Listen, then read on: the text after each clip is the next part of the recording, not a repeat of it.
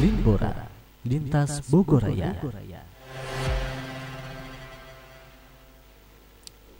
Bismillah, Assalamualaikum warahmatullahi wabarakatuh Pendengar yang berbahagia di mana pun Anda berada Sebelum kami lanjutkan ke acara berikutnya Ada informasi dari Linbora, Lintas Bogoraya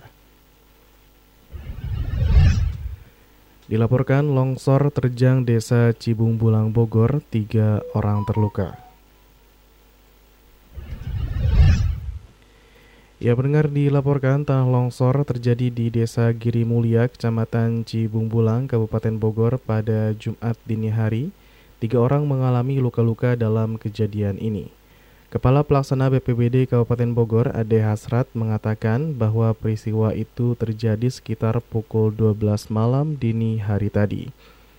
Hujan deras yang cukup lama mengakibatkan longsoran pada bagian bawah penyangga rumah warga hingga ambruk.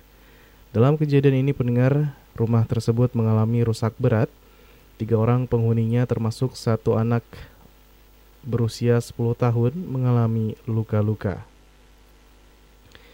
Ya, satu orang terluka pada bagian mata dan pelipis sehingga harus dijahit, kemudian kaki lecet serta dada sesak.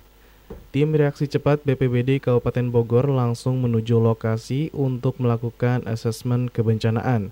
Untuk kondisi rumah saat ini tidak bisa dihuni dan untuk sementara korban mengungsi di rumah saudaranya.